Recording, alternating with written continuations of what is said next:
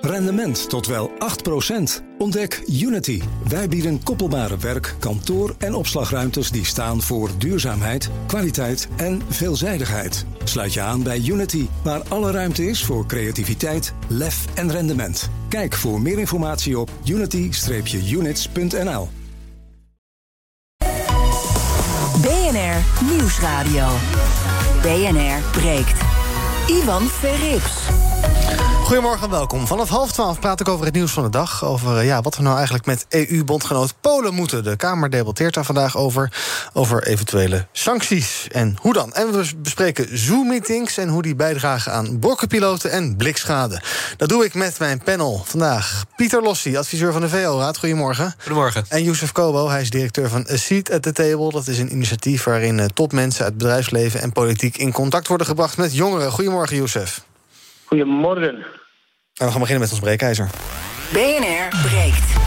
Breekijzer. Het is de hoogste tijd dat we ook in Nederland beginnen met een evaluatie van het coronabeleid. Dat is ons breekijzer vandaag. Aan de overkant van het kanaal in Groot-Brittannië is een 150 pagina's stellend evaluatierapport verschenen over de Britse corona-aanpak. En dan vooral het begin van de pandemie. Het rapport is geschreven door een uh, commissies, aantal twee commissies met lagerhuisleden uit alle partijen. En wordt links en rechts een aantal flinke vegen uit de pan gegeven aan beleidsbepalers en wetenschappers. Luister even mee naar de BBC vanochtend. They strongly criticise the early response. Instead of locking down hard and fast like some other countries, they say ministers, guided by their scientific advisors, made a deliberate decision to introduce social distancing rules gradually. The MPs describe that as a serious error, which proved fatal to many. There is more criticism. It describes the rollout of the test and trace programme in England as slow and chaotic. It says the UK did not impose rigorous border controls, and it criticises the treatment of care homes, saying the risks were not recognised soon enough, leading to devastating and preventable repercussions. Nou, dat zijn nogal conclusies. Er zijn ook positieve uh, noten trouwens. Bijvoorbeeld eh, als het gaat om het vaccineren, de uitrol daarvan. Daar is die commissie best positief over. Maar toch, al met al wordt het een van de ernstigste volksgezondheidsmislukkingen genoemd die het land ooit heeft gekend. Um, dat brengt ons bij de Nederlandse situatie. Hier komt een evaluatie later, niet op korte termijn, mogelijk in de vorm van een parlementaire enquête, maar wordt het daar niet eens tijd voor als ze daar al wel een heel boekwerk hebben geproduceerd. Daarom is ons breekijzer vandaag: het is de hoogste tijd dat we ook in Nederland beginnen met een evaluatie van het coronabeleid. En jij kan ook alvast meehelpen met een aanzetje daartoe. Wat ging er nou echt uitgesproken slecht? Waar kunnen we misschien van leren? Um, wat moet er beter? Of wat ging gewoon goed? Wil je bijdragen? Pak je telefoon en bel naar 020 468 4x0. 020 468 4 keer 0 dan spreek ik je zometeen in de uitzending. Uh, zometeen hoor je wat mijn eh, panelleden ervan vinden. Eerst praat ik even met Bert Mulder, arts-microbioloog, lid van het RED Team. Dat is die onafhankelijke expertgroep die gevraagd en ongevraagd advies geeft. En ze zijn gericht op de preventie en bestrijding van het coronavirus in Nederland. Goedemorgen, Bert. Goedemorgen. Nou, eerst ben ik wel eens benieuwd naar jouw eh, mening over ons breken. Zometeen even over de inhoud. Wat moet er in zo'n evaluatie staan? Maar vind je ook dat het ja, eigenlijk misschien wel eens hoog tijd wordt dat, er, dat we iets gaan doen op dat gebied, evalueren? Jazeker, want als je nagaat dat deze commissie in uh, het Verenigd Koninkrijk al sinds oktober 2020 aan het werk is geweest, dus eigenlijk een jaar lang de tijd heeft gehad voor deze grondige evaluatie. Ik heb uh, nog niet alle 150 pagina's gelezen, maar alles wat ik tot nu toe gezien heb, is ten eerste heel herkenbaar en uh, in Nederland in feite ook aan de hand.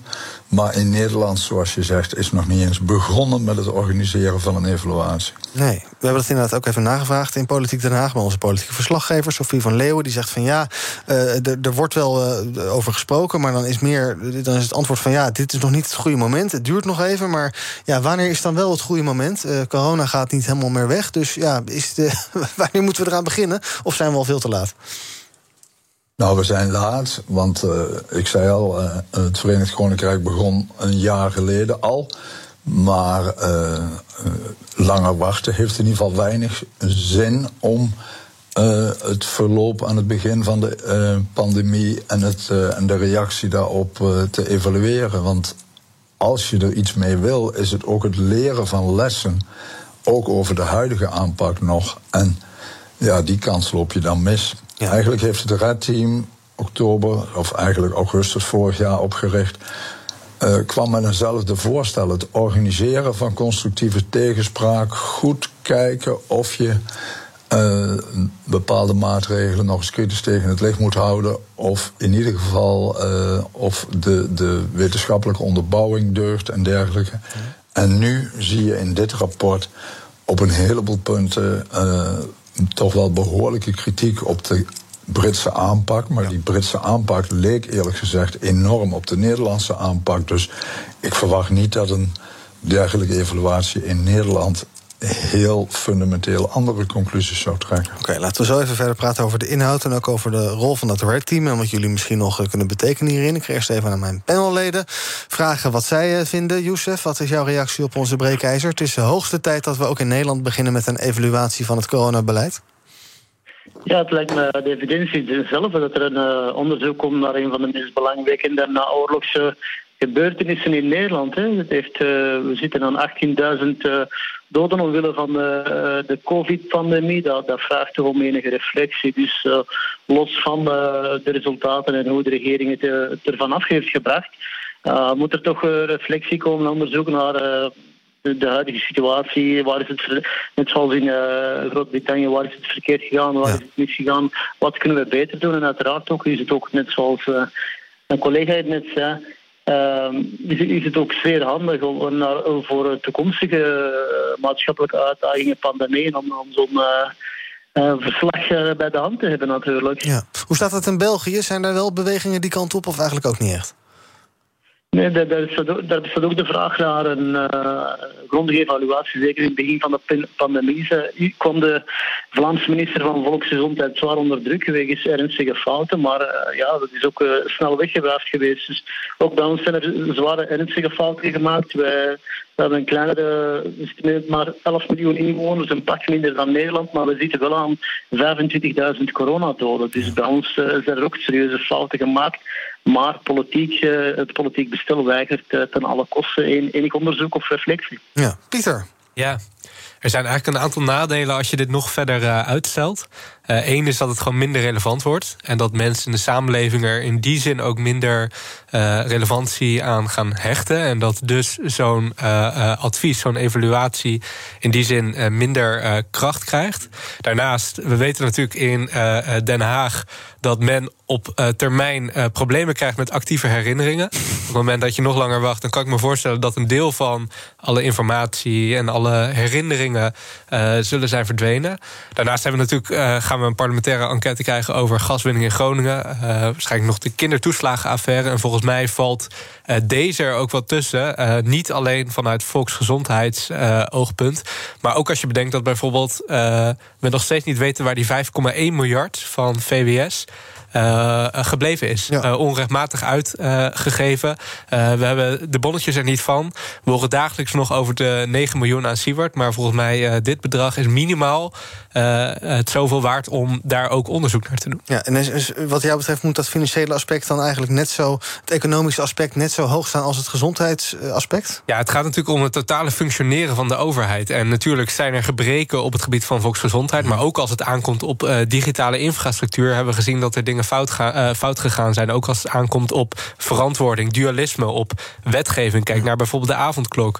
Dus volgens mij moet je in de totaliteit uh, een parlementaire enquête starten over deze coronacrisis. Het moet natuurlijk geen oorlogstribunaal worden, maar moet wel echt uh, kritisch en, en, scherp aan de tand voelen. Ja, nou hoe je dat gaat voorkomen, een oorlogstribunaal. Het is natuurlijk makkelijk met de kennis van nu kijken naar het verleden. Bespreken we zo meteen wel eventjes. Ik ga eerst een paar bellers aan het woord laten. Fred, goedemorgen. Goedemorgen, met Fred.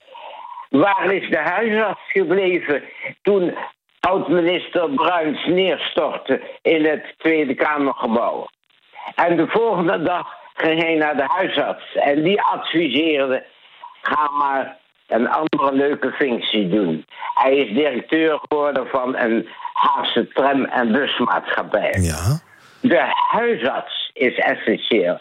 En die komt pas in deze hele eh, strategie pas op de tweede plaats. Hij moet op de eerste plaats. Hij kent de mensen. Hij weet wie de kwetsbaren zijn, wie de zieken zijn, de gehandicapten en de hulpbehoevende ouderen. Maar die 5,1 miljard. Weet u waar dat is gaan zitten? Weet u het? In de organisatorische opzet van de GG en GD. Ja. Want dat was een slapende organisatie geworden. Met al die QR-codes en al die lekken, digitale lekken. Dus ik wil zeggen, de organisatie was er al. Ja. De huisartsorganisatie. Duidelijk. En er zit helemaal geen hoogleraar huisartsengeneeskunde in het OMT. Nee, duidelijk. Fred, dankjewel. Eh jij weet waar de VS miljard zijn. En je zegt huisarts zouden een eh, grote rol moeten krijgen. Ik schrijf even mee voor onze eerste evaluatie. Kan wel een 1 en 4. hoeft niet per se 150 te zijn. Nora, goedemorgen. Zeg het maar. Eh, ben ik in de uitzending? Jazeker. Helemaal Ja, live. nou, eh hi. Ik had ze net gebeld omdat ik vind dat allereerst vraag ik me echt elke keer af hoe een minister van Gezondheid een onderwijsachtergrond heeft en geen enkele medische achtergrond. En hoe hij dan zulke uitspraken en regelingen kan eh, doorvoeren in Nederland. Als je gaat kijken naar andere landen, dan heeft elke minister de achtergrond passend bij zijn of haar ministerie. Dus als een Hugo de Jonge gaat praten over gezondheidsmaatregelen, ja, ik vind dat gewoon, ik kan dat dan heel moeilijk opbrengen om daarin mee te gaan. Ja. We worden zoveel, er wordt zoveel verplicht en er wordt zoveel geld uitgetrokken voor de controle van QR-codes. Terwijl je als je eh, op school zit, leer je altijd oorzaak-gevolg. Wil je het gevolg niet meer krijgen, moet je de oorzaak aanpakken. Dat gebeurt dus niet in Nederland, want er wordt gewoon continu maar regeltjes en maatregelen ingevoerd om die controle maar te behouden. Maar waarvoor moet je een controle behouden voor een ziekte die niet eens zoveel slachtoffers heeft als diabetes, kanker, noem maar op. Ik vind gewoon, er wordt gewoon niet meer goed. Ik vind dat de koers gewoon zo enorm ehm, niet meer helder is in Nederland. Van wat heeft nou prioriteit? Ja. Zijn er echt daadwerkelijk zoveel ziekenhuisopnames? Of in, in hoeverre worden. Kijk, ik zeg niet dat mensen er niet ziek van zijn geworden. Of dat, ze, of dat ze eraan zijn overleden. Absoluut niet. Ik heb ook mensen in mijn omgeving. Die, er, ja, die het gewoon heel heftig hebben meegemaakt. En die er ook door zijn overleden. ehm, daaraan zijn overleden. Maar in hoeverre zijn die ziekenhuisopnames nu echt door corona? En hoeveel mensen blijven de ziek thuis en kunnen gewoon weer doorgaan met hun leven? Ik noteer eh, meer duidelijkheid over cijfers. En een eh, eh, volksgezondheidsminister die moet ook een gezondheidsachtergrond hebben. Dat schrijf ik. Ik geloof dat Matt Hancock dat ook niet had in het UK, maar die is inmiddels ook weer weg. Frodo, goedemorgen. Ja, goedemorgen. Eh, zeg, ik zou graag ook een onderzoek willen. Ja. Naar het volgende, namelijk naar de neveneffecten van de corona.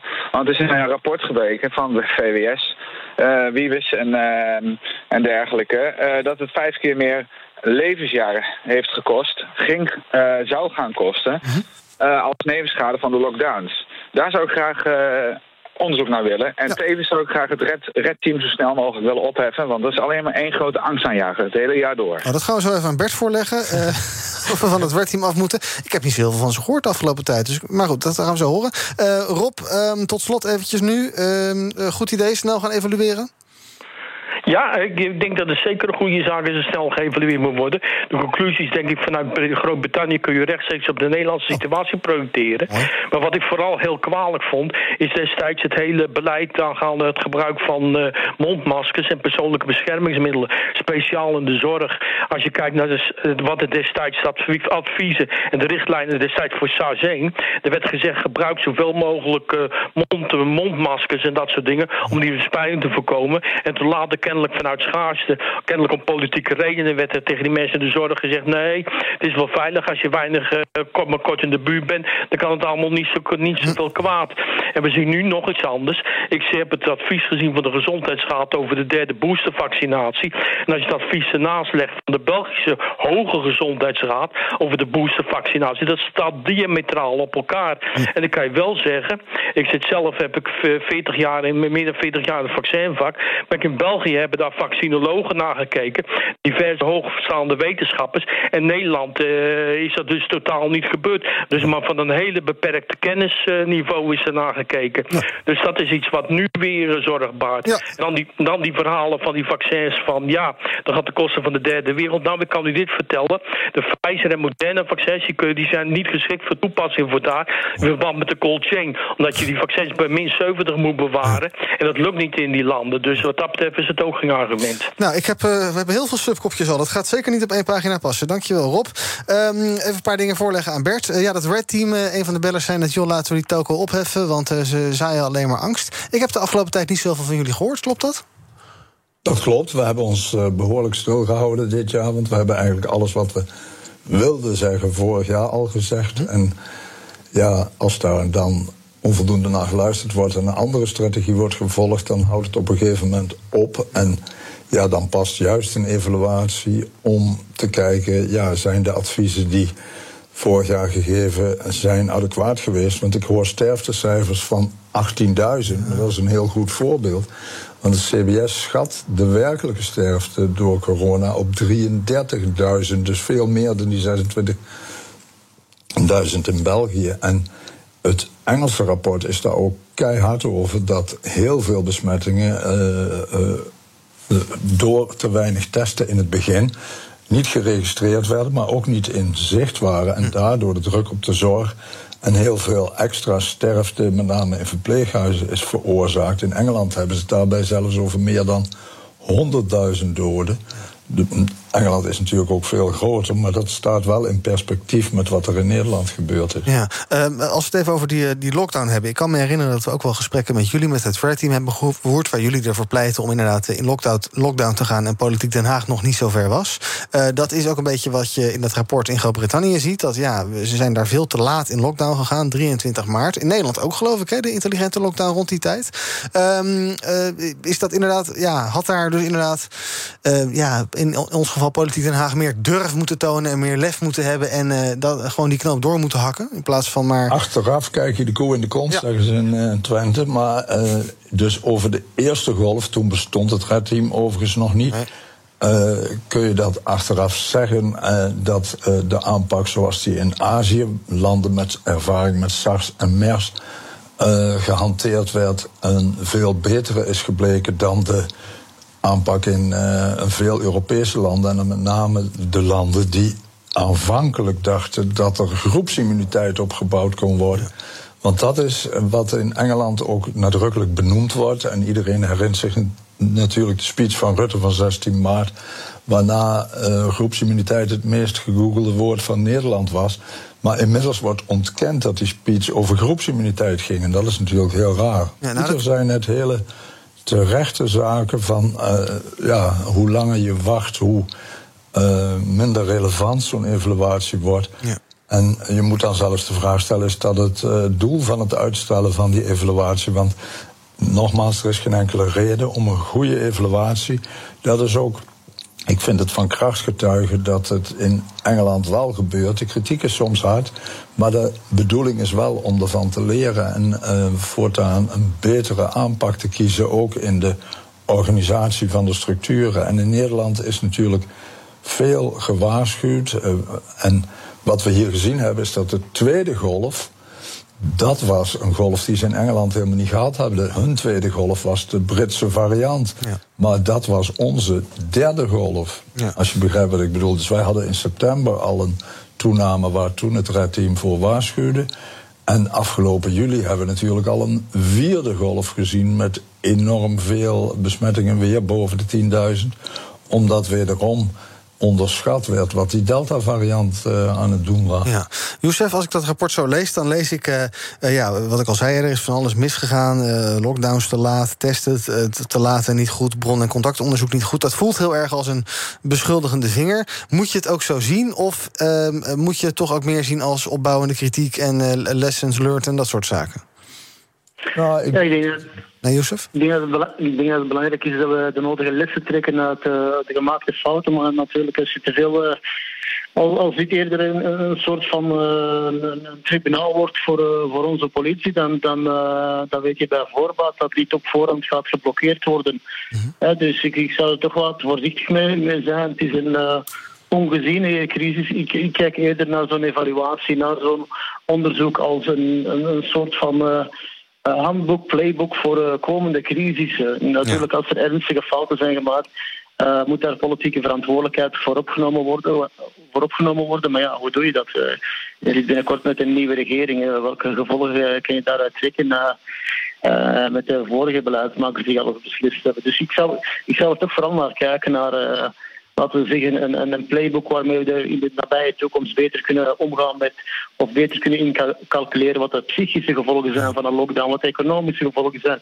Uh, wat doen we met privacy, wat doen we met de grondwet? Hè? Want uh, ja, zo'n lockdown, uh, hoeveel keer hebben we niet bepaalde parameters van, de, van de democratie overschreden met al die hartstikke en zware ingrijpende maatregelen. Dus ik zou eerder kijken naar de lessen, lessen die we kunnen trekken dan dan op jacht gaan, op echt gaan op uh, beleidsmakers en politici. Ja, Pieter, hoe kunnen we dat op een verstandige manier doen? Want is, wat, je, wat, we, wat we net al constateerden, is natuurlijk makkelijk om achteraf te kijken en dan te zeggen: ja, dat ging niet goed en dat ging niet goed. En daar deden ze niet wat goed in de OMT. En ja, dat is, het is natuurlijk makkelijke kritiek leveren achteraf. Dus hoe zorg je dat het constructief wordt? Ja, volgens mij moet je zoveel mogelijk, uh, uh, zoals dat ook bij de toeslagenaffaire is gebeurd, vanuit de Kamer van verschillende partijen, Kamerleden afdragen die bepaalde expertise hebben om hier onderzoek naar te doen. Je maakt er wel een terecht punt in de zin van dat ik denk dat de Nederlandse overheid veel te verwijten is als het aankomt op uh, financiën, dus uh, juridische zaken, organisatorische zaken. Denk ook aan die beschermingsmiddelen in verpleeghuizen. Maar wat ik wel een beetje makkelijk vind achteraf, en dat zie je ook in het rapport uit Engeland, dat er eigenlijk gezegd wordt: ja, jullie hebben een verkeerde strategie gekozen. Terwijl de wetenschap daar ook zei: deze strategie moeten jullie gaan volgen voor het meest effectieve coronabeleid. En eigenlijk hebben jullie daarmee te veel naar de wetenschap geluisterd. Ik geloof wel dat de, de mensen in Den Haag en ook in Engeland zoveel mogelijk vanuit eer en geweten handelen. En dat natuurlijk die wetenschappelijke kennis uh, afgelopen anderhalf jaar door de tijd inderdaad ontwikkeld is. En dat je achteraf moet zeggen, ja, dat hadden we misschien op bepaalde punten anders kunnen doen. Maar om ze nou echt te verwijten dat ze te veel naar wetenschappers hebben geluisterd, vind ik ook wel lastig. Alright, dus evalueren ja, uh, snel ja, uh, liefst op een constructieve wijze en op de toekomst gericht. En nou, we hebben wat puntjes opgeschreven die alvast mee kunnen worden genomen door die parlementaire enquête. Want dat wordt het wel als we dit zo horen. Waar dit, welke deelgebieden dit dan Pieter, dan uh, kan je er wel drie parlementaire enquêtes op los gaan laten, denk ik zomaar. Zeker, dat is waar. En dat maakt natuurlijk wel dat ook deze formatie daarmee een extra dimensie krijgt. Want op het moment dat je uh, die drie parlementaire enquêtes krijgt, gaswinning, gaswinning Groningen, to toeslagenaffaire en ja. coronacrisis, dan bestaat de kans natuurlijk dat een aantal bewindspersonen ook weer zullen moeten gaan aftreden om uh, verantwoording uh, te nemen.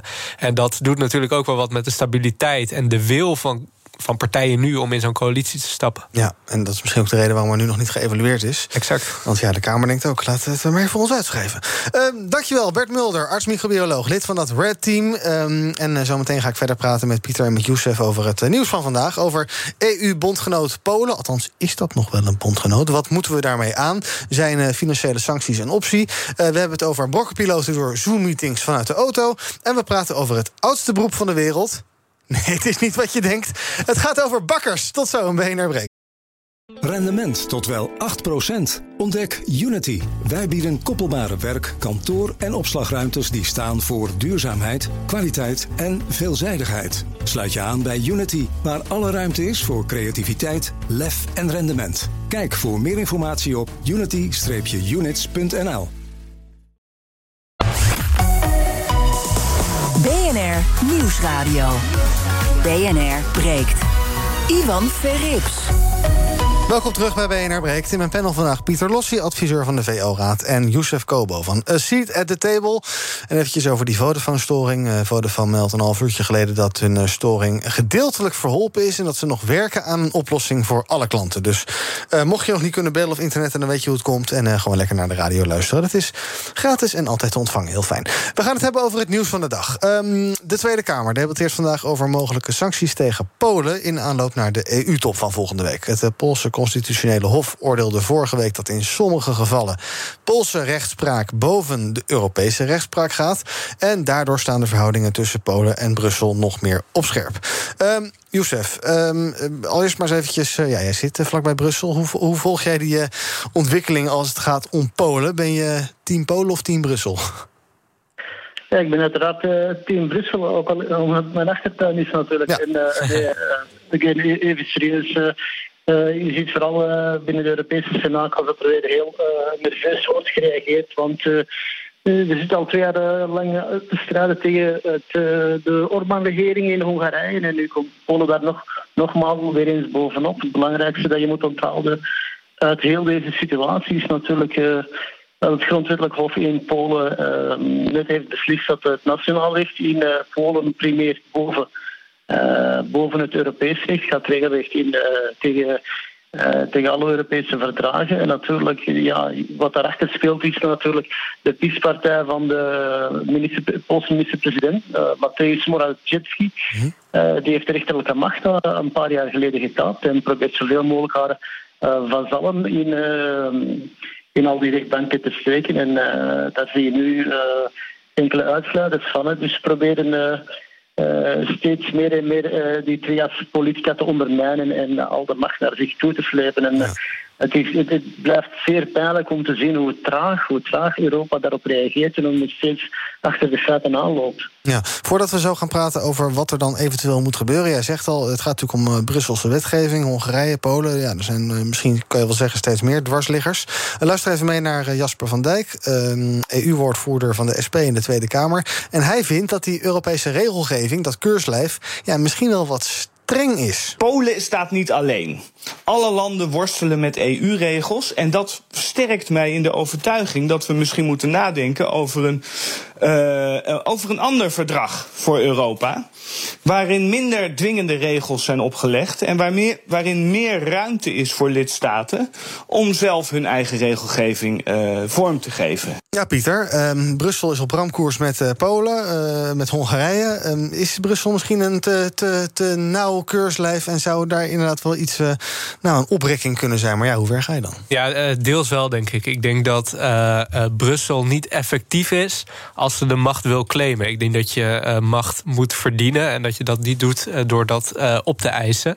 kijk, wat, wat zo is, is dat Polen in die zin een ander verhaal is, omdat daar natuurlijk die triaspolitiek echt geschaad wordt. Mhm. En we natuurlijk in de journalistiek en in de rechterlijke macht zien dat dat op een niet-democratische en legitieme wordt aangetast. Ik vind wel op het moment dat de mensen in Polen en, en de democratie besluit dat bijvoorbeeld de uh, wetten in eigen land belangrijker zijn dan die in de Europese Unie, of dat ze eventueel uit die Europese Unie zouden willen, ongeacht wat ik daar zelf van vind, dat zij die uh, soevereiniteit uh, zouden moeten hebben. Ja. Uh, en dat wij ehm, niet een slecht huwelijk, maar levensvatbaar moeten blijven maken als er geen uh, levensvatbaarheid meer in zit. Ja, na een tijdje is de relatietherapie al voorbij. Exact. Ja, um, nou wordt er dus vandaag in de Tweede Kamer gesproken door, uh, door de Kamer over ja, wat hier nou moet gebeuren. Wat ik zei al, binnenkort EU-top, dan wordt altijd voorbesproken in de Kamer. Nou ja, dan heb je misschien een paar middelen. En een van die middelen is natuurlijk Youssef geld. Um, het idee dat besproken wordt is om een, geen bijdrage te geven aan Polen uit dat corona-herstelfonds van de EU. Dat zou om een bijdrage van tientallen miljarden gaan aan Polen in de komende jaren. Het is natuurlijk wel een beetje een zwaktebod. Hè, dat je zegt van nou, uh, jij luistert niet naar ons, dan krijg je geen zakgeld meer. Het is een beetje kinderachtig. Ja, het is, het laatste, ik denk het laatste drukmiddel dat Europa heeft. Uh, daar zijn al de gesprekken die binnen de EPP plaatsvinden of in het parlement achter de schermen uh, met alle stakeholders maken weinig indruk op, Polen. Dus ik vind het uh, drukmiddel bij uitstek. Het is ook belangrijk om te onthouden dat Polen als EU-lidstaat een, een netto ontvanger is. Dus ze krijgt veel meer dan ze zelf bijdraagt aan de EU. En, en net daarom lijkt me dit toch het aangewezen stuk. Het gaat, het gaat hier niet om kleine incidenten. Hè. Het gaat uh, het gaat hier ook niet om dat uh, soevereiniteit verdient boven Europa enzovoort. Het gaat erom dat, dat, dat de Poolse regering al, al, al jarenlang heel hard werkt om de rechterlijke macht te kapen, te ondermijnen en zo de macht naar zich toe te trekken. En dat zijn zorgwekkende evoluties. Dus het, het, lijkt me toch, het lijkt me toch het het juiste drukkingsmiddel. Ja, uh, we hebben al, een tijdje geleden al die, die LHBTI-vrije zones in Polen. Die zijn geloof ik onder dreiging van het inhouden van subsidies dan weer opgeheven. Ja. Um, ja, dus dan kan je zeggen, Polen is om, maar eigenlijk om praktische redenen. Niet zozeer omdat ze ideologisch om zijn. Dat is natuurlijk niet echt een lekker argument. Ja, dat is alleen, dat is, dat is een, dat, dat is, het voelt, het voelt niet heel bevredigend, Pieter. Nee, en dat, dat, dat is het ook niet. Tegelijkertijd, als Polen zoiets heeft van wij, wij erkennen en wij accepteren niet of in mindere mate het narratief van de Europese Unie en, en de organisatie en uh, uh, nou, het levensrecht van de Europese Unie, dan vind ik het in die zin ook niet meer dan logisch dat de Europese Unie zegt: Nou, dan een aantal van de voordelen die wij jullie verschaffen, uh, die beperken we totdat jij weer uh, ons narratief erkent. Ja. En dat betekent dus nogmaals niet dat je dat huwelijk moet blijven doorzetten als dat uiteindelijk niet meer werkt. En als uiteindelijk de conclusie is: oké, Polen erkent het niet meer, de Europese Unie vindt het niet meer waard om Polen erbij te houden. laat het volk bijvoorbeeld via een referendum spreken over wat de toekomst wordt voor deze relatie. Ja, dus jij ziet al een keer een Polexit gebeuren. Nou, dat zou kunnen, maar nogmaals, ik vind dan niet dat je dat nu via regeringsvormen en via rechtelijke vormen moet afdwingen, omdat die dus vrij corrupt mogelijk zijn. Alright, we gaan het hebben over thuiswerken. Wat blijkt? Zes op de tien werkgevers hebben nog niet helemaal duidelijk gemaakt aan personeel hoe het thuiswerken er na de coronapandemie uitziet. Blijkt uit onderzoek van INO Research in opdracht van de coalitie Anders Reizen. En dat is een club waar allerlei grote bedrijven in zitten: ABN Amro, ANWB, Philips, Unilever, Leaseplan. En zij willen graag um, CO2-uitstoot van hun personeel verminderen. Dus dan moet je denken aan dienstreizen, woonwerkverkeer enzovoorts. Werknemers die willen best deels blijven thuiswerken, maar werkgevers zouden daar niet goed op inspelen. Um, dat is toch wel bijzonder. Laten we even luisteren naar Hugo Hoepermans. Die is directeur van die coalitie Anders Reizen. En die vertelt waar het momenteel misgaat. Dat vacuüm tussen medewerkers die zeggen: ik wil zelf kunnen bepalen waar en wanneer ik werk. Dat komt mhm. dominant uit ons onderzoek. Maar wel behoefte heeft aan kaders. Dat maakt namelijk, en het centreert zich rond je teamleider in het maken van afspraken in je team. Ja, dus je teamleider is uh, belangrijk. En verder zijn er dilemma's als uh, vertrouwen, vrijheid en eigen verantwoordelijkheid. De drie V's waar allerlei problemen mee zijn. Uh, ik begin maar even bij de thuiswerker wat BNR betreft. Youssef, is dat jou een beetje is dat, is dat jou goed bevallen? En is thuiswerken niet iets wat we nou inmiddels wel geregeld zouden moeten kunnen hebben? Hoe je dat nou op een verstandige manier kan doen? Het is toch een beetje raar dat bedrijven dit nog niet geregeld hebben? Ja, het blijft natuurlijk een heel, heel, heel bizarre situatie. Thuiswerken uh, is voor mij. ik heb anderhalf jaar bijna thuis, gewerkt, zeer goed meegevallen. Uh, maar je mist het natuurlijk om op een fysieke plek uh, met je collega's samen te werken. Langs de andere kant begrijp ik ook perfect de bezorgdheden van werk, werkgevers. Hè. er zijn heel wat onderzoeken die momenteel nu lopen, onder meer door arbeidsbemiddelaars enzovoort, mhm. die eigenlijk de impact van dat vele thuiswerken aan het onderzoeken zijn. En daar zie je toch ook um, dat waar vrees van productiviteit al. Niet alle werknemers zijn de hele tijd bezig met hun, uh, met hun werk.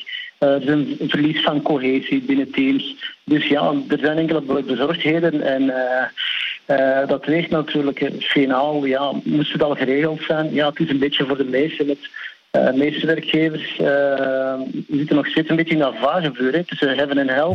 En wat bedoel ik daarmee is natuurlijk van, oké, ze kijken naar elkaar. Oké, welke grote bedrijven, welke, uh, welke spelers uh, uh, bieden, al, bieden al aan dat alle werknemers terug naar kantoor moeten. Wie doet er een mix, wie biedt er welke voordelen aan, et cetera. Dus ja, men kijkt een beetje naar elkaar en ja. als een beetje een stuck in headlights. Hè. Dus... Ja. Het zal nog even wachten worden, vrees ik. Ja. Uh, Pieter staat niet gek. We zijn anderhalf jaar in een coronapandemie. Uh, we zijn al uh, maanden aan het thuiswerken allemaal. is er een soort miscommunicatie? Of hebben werkgevers onder een steen gelegen? Of willen die werknemers niet? En daar gaat natuurlijk ook een verantwoordelijkheid van uit... om eens bij je baas te informeren van... Goh, hoe zit dat? Waar gaat dit mis? Ik moet zeggen dat het bij mijn eigen werkgever, de VO-raad, eh, behoorlijk goed gaat. Mhm. Eh, maar wat ik me kan voorstellen is dat nu weer dingen mogen. En dat je dus moet gaan, gaan, gaan testen. Uh, hoe wil je met werkplekken omgaan? Hoeveel vertrouwen heb je inderdaad in je werknemers dat zij ook zaken gaan realiseren op het moment dat zij niet onder het letterlijke toezicht van een baas op een kantoor ergens aanwezig zijn? De drie V's. Precies, dat is gewoon een kwestie van, van, van testen. En ik heb er vertrouwen in als volwassen mensen in deze samenleving dat we daaruit moeten kunnen komen. Goed zo. BNR breekt. Hoe krijg jij de drie V's in, Thomas? Uh, vertrouwen, vrijheid en eigen verantwoordelijkheid. Oh nee, ik was eigenlijk vooral nog bezig met waar die V's voor stonden. Nou, Zo ouderwets ben ik dus Vertrouwen, vrijheid en verantwoordelijkheid. Ja. Nou, ik neem uh, alle verantwoordelijkheid voor het programma na jou. Tussen 12 en 2. En zo vrij is dat allemaal niet. Want om 12 uur moet ik beginnen. En om ja. 2 uur wordt verwacht dat ik er zo ongeveer een einde aan maak. Mm -hmm. Dus ja, het is allemaal je, vrij ingekaderd. Uh, ja, precies. Ja. Verantwoord, nou ja, goed. Vertrouwen, nou, het zal wel. Over vrijheid gesproken. Waar zie jij naar uit? De, de baas van Center Parks in uh, Nederland is bij mij te gast. En voor heel veel mensen is vakantie natuurlijk ook vrijheid. Ja. Doen dat voor een deel uh, in een huisje van Center Parks. Ja, daar vertrouwen ze op. Wordt steeds duurder, omdat die huisjes steeds beter worden. Er schijnt ook behoefte aan te zijn. dus daar gaan we over praten. Over die enorme renovatie die de afgelopen jaren al aan de orde was bij Center Parks. Het beleggerspanel is er onder andere over, waar wij in Nederland goed in zijn, namelijk fietsen. PON, hè, met de grootste overname, de overname die hen de grootste fietsproducent ter wereld maakt. En nu we toch sportief bezig zijn, de opmars van pedel. Wat? Pedel. Is dat, eh, is dat zo dat je thuis kan Ja, fietsen? jij weet het. Echt niet? Nee, dat heeft niks met fietsen te maken. Dat heeft van alles te maken met tennissen, squashen in een kooi op een veldje. Veel makkelijker dan het eh, ge- gebruikelijke tennis. Ontzettend sportief en ontzettend populair. Valt ook nog geld mee te verdienen. Heb je het al gedaan? Eén keertje. Nou, was leuk. En ik ben er nog. Ja, precies. Was dat ook leuk? Het was leuk. Nou, oké, ik ga luisteren. Ik ben benieuwd. Eh, Zometeen Thomas van Zel. Alles over pedel. Ik ben heel benieuwd. BNR breekt. Eh, nog over dat eh, thuiswerken. Er is ook een soort eh, hybride vorm van thuiswerken. Namelijk mensen die in de auto gaan zitten zoomen... en daar allerlei gesprekken ehm, eh, gaan voeren. Ehm Interpolis maakt zich daar zorgen om. Want ja, dat is best wel onveilig, zeggen zij. Het is gevaarlijk. Zo'n vergadering vergt concentratie. Het leidt af van het autorijden. Ehm ja, Jozef, ik weet niet... vind jij dat dat zou moeten kunnen? Dat je je iPhone of je Android-telefoon in zo'n houder houdt... en dat je dan lekker zo'n teamsgesprekje aan het voeren bent met 15 van die schermpjes en dat je meekijkt en lekker actief participeert? Of zeg je van nou, ehm, laten we dat maar even niet gaan doen? Ja, ik moet, eerlijk toegeven, ik heb wel gelachen toen ik, eh, toen ik het bericht eh, vanochtend las. las eh, eh, het is hilarisch, het is levensgevaarlijk. Ik wist niet dat het fenomeen bestond. Ik heb het afgelopen jaar ook het eh, wereldrecord eh videocall, Zooms gesprekken, Teamsgesprekken gebro- gebroken. Maar ik heb nog niemand betrapt in al die schermpjes dat- die aan het rondrijden was. Dus ja, we weten allemaal dat bellen levens, levensgevaarlijk is. Levens, heel veel levens kost elk jaar op onze Europese wegen laat staan. Een videocall. Dus eh, wat bezielt die mensen, denk ik dan? Ja, Pieter, ben jij iemand die eh, op de fiets of in de wandelend of in de auto of in, dat, in de situatie waarvan je eigenlijk denkt van nou, misschien moet ik het niet doen, toch naar je scherm zitten loeren? Nou, niet met schermloeren, dat zeker niet. Wel is dat ik eh, aan het bellen ben. Of of we in zo'n groepsmeeting zit. Meeluisteren, ja. Precies, maar ik, ik zag dat eh, de experts rondom verkeersveiligheid aangaven... dat dat eigenlijk ook al niet een goed idee is... omdat je dan cognitief bent afgeleid. En eh, het is ook zo dat er in Nederland en in eh, België is dat nog veel hoger... maar jaarlijks 600, ongeveer 600 verkeersdoden vallen. En dat, eh, mij verbaast dat echt nog ontzettend dat dat er zoveel zijn. Dus op zich aandacht hiervoor lijkt me meer dan eh, terecht. Ja, en niet zoomen in de auto dus. We gaan kijken wat jullie eh, zelf opgevallen is in het nieuws. Ehm, eh, Pieter, jij wilde het hebben over biodiversiteit, geloof ik. Ja, er is eh, namelijk een eh, VN-top eh, in China. Die wordt eh, vanaf vandaag georganiseerd. En die gaat over eh, biodiversiteit. Er is namelijk onderzoek eh, gedaan. En daaruit blijkt dat zo'n 70% van alle. Eh, eh, sinds 1970 is zo'n 70% van alle populaties aan dieren eh, verminderd op deze wereld. En dat komt eh, deels door ontbossing, dat komt door verlies van leefgebied, dat komt door landbouw. En ehm, eigenlijk eh, ehm, ehm, wat problematisch is, is dat we nu natuurlijk te maken hebben met inflatie. En met stijgende gasprijzen en met stijgende kosten van ruwe materialen. Terwijl op het moment dat wij bezig gaan als wereld zijnde om veel meer van de kosten, eh, ecologisch gezien, van de eh, ruwe materialen eh, in de prijs te verwerken. Eh, dan ga je zien dat de prijzen de komende decennia alleen nog maar veel verder de pan uit zullen gaan reizen. En dat is problematisch omdat we wel daadwerkelijk iets moeten doen aan dat biodiversiteitsverlies. Omdat we het bijvoorbeeld nodig hebben voor de bestijving van heel veel van onze voedselgewaren die we nuttigen.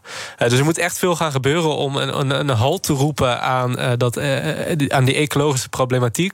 Moet niet losgezien worden van klimaatverandering.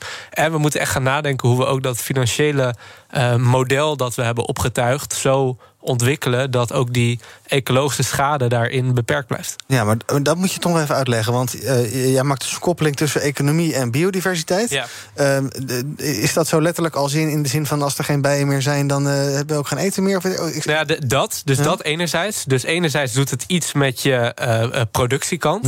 Eh, maar anderzijds is het zo dat eh, nu we veel meer gaan werken aan eh, wetgeving en het voorkomen van bijvoorbeeld biodiversiteitsverlies, dat de producten die we oorspronkelijk maakte in, in het proces, bijvoorbeeld op het gebied van eh, landbouw, bijvoorbeeld op het gebied van het winnen van ruwe grondstoffen, eh, dat die nu vaak veel ecologische schade aanrichten die we nog niet hebben verwerkt in de prijs Ja. waarop zo'n product wordt aangeboden op een markt. Op het moment dat we dat wel gaan doen, en dat moeten we gaan doen, want we hebben geen keus, het, ons leven hangt ervan af in de toekomst, dan zul je waarschijnlijk alleen nog maar zien dat, ja, dat productieketens echt eh, heel kwetsbaar zijn voor al die nieuwe ecologische prijzen die nog in die nieuwe productprijzen moeten worden verwerkt. Pieter pleit voor een biodiversiteitstax. Fijn. Ja, dat is nodig. dat is nodig. Youssef, eh, waar eh, eh, wil jij het over hebben? De huizenmarkt, geloof ik, hè? Ja, klopt, eh, ab- absoluut. Hè. Dus eh, jullie kennen het fenomeen momenteel. Eh, Nederland kampt net zoals België al jaren met een huizencrisis, waardoor dat eh, eh, huizen natuurlijk onbetaalbaar zijn voor de modale Vlaming, voor de modale Nederlander. En eh, nu komt daar het bijkomende fenomeen eh, van de afgelopen jaren. De ECB houdt eh, de rente zeer laag. Dat betekent dat mensen zeer, zeer goedkoop kunnen lenen. En dat iedereen huizen begint te kopen en te verkopen. En dus de huizenprijzen blijven spectaculair stijgen met 10% eh, per jaar bij ons. En ook eh, bij jullie eh, zitten jullie in dat, ongeveer in, eh, rond dat cijfer. Nu, de Woonbond in Nederland komt met een eh, eh, redelijk eh, nieuw interessant fenomeen. En die staat, er bestaat een website, rebit.nl, waarbij aspirant-huurders, dus niet aspirant-kopers, maar aspirant-huurders kunnen bieden om een appartement of een huis te huren. Dus tegenwoordig zijn er geen vaste prijzen meer eh, om, een, om een appartement te huren, maar moet je zelfs tegen elkaar gaan opbieden. En daar gaat het heel snel. En dat lijkt me ja, het is fenomenaal uit de hand aan het lopen. En dan, dan blijft mijn vraag eh, naar de Vlaamse regering toe en naar de Nederlandse regering toe. Van, hey guys, wanneer gaan jullie ingrijpen? Dit blijft eh, uit de hand lopen. Word eens wakker. We weten dat jullie allemaal zeer goed verloond hebben. En dat jullie weinig last hebben van de hoge huur- en huizenprijzen. Maar hey, kijk eens naar ons. Ja. Pieter, eh, moeten we inderdaad niet willen dat we eh, eh, kooppraktijken gaan toepassen op huurpraktijken? Dus dat je inderdaad, ja, tegen dat ik zeg van nou, ik bied 800 euro huur, dat je zegt nou, ik bied 1000. Eh, ja, Ja, dat, Help. dat- ja, dat is bizar. Dat is eh, eh, heel slecht. Zeker op het moment dat natuurlijk straks eh, de prijzen van heel veel zaken weer gaan dalen. Eh, mensen vastzitten voor lange termijn aan een bepaald huurcontract dat veel te hoog is. Hypotheken die veel te hoog zijn. Waardoor eh, natuurlijk ook gewoon huizen onder water komen te staan. En waardoor mensen de vaste lasten niet meer eh, kunnen betalen. Ik weet niet, Youssef, of er in België al inmiddels een woonprotest is georganiseerd. Eh, weinig protest, wel veel geklaagd op sociale media. Eh, de, de revolutie is hier nog niet nakend. Oké. Nou, misschien moeten de woonprotest moeten we gaan exporteren naar woonprotest.be. Kijken of die nog vrij is. Snel registreren. We gaan eh, kijken wat er trending is op de socials momenteel. Onder andere hashtag Siewert, zijn eh, non-profit stichting... eh, die heeft de afgelopen maanden toezeggingen over financiële transparantie... en verantwoording van de eigen site gewist, schrijft de Volkskrant. Siewert heeft inmiddels eh, via Twitter ook gereageerd. Hashtag Walrus is trending. Dat is een beest dat vorige week nog op de pier van Harlingen lag te rusten... maar die is nu verplaatst naar de pier bij de ingang van de haven van Terschelling. Al drie weken zwerft de walrus door het Waddengebied. En ook hashtag plastic is trending. Frankrijk verbiedt plastic verpakkingen van groente en fruit vanaf volgend jaar. Allemaal vanwege het nou, verminderen van wegwerpplastic... en het stimuleren van hergebruik. Tot slot moeten we nog even hebben over bakkers. Want eh, ja, bakker was in het nieuws, begreep Ja. ik, eh, eh, Pieter. Ehm, eh, dan schijnt dit een enorm bakkerslied te zijn. Je neemt wat melk, je neemt wat bloed. Vergeet geen zout erin te doen. Je kneedt dat alles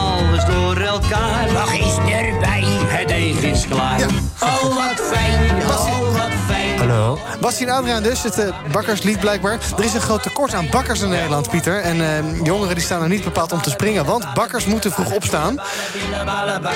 Dit nummer, joh. Eh, namelijk rond 1 uur s'nachts. Ja. zie jij nog hier voor jezelf een soort carrière-switch weggelegd...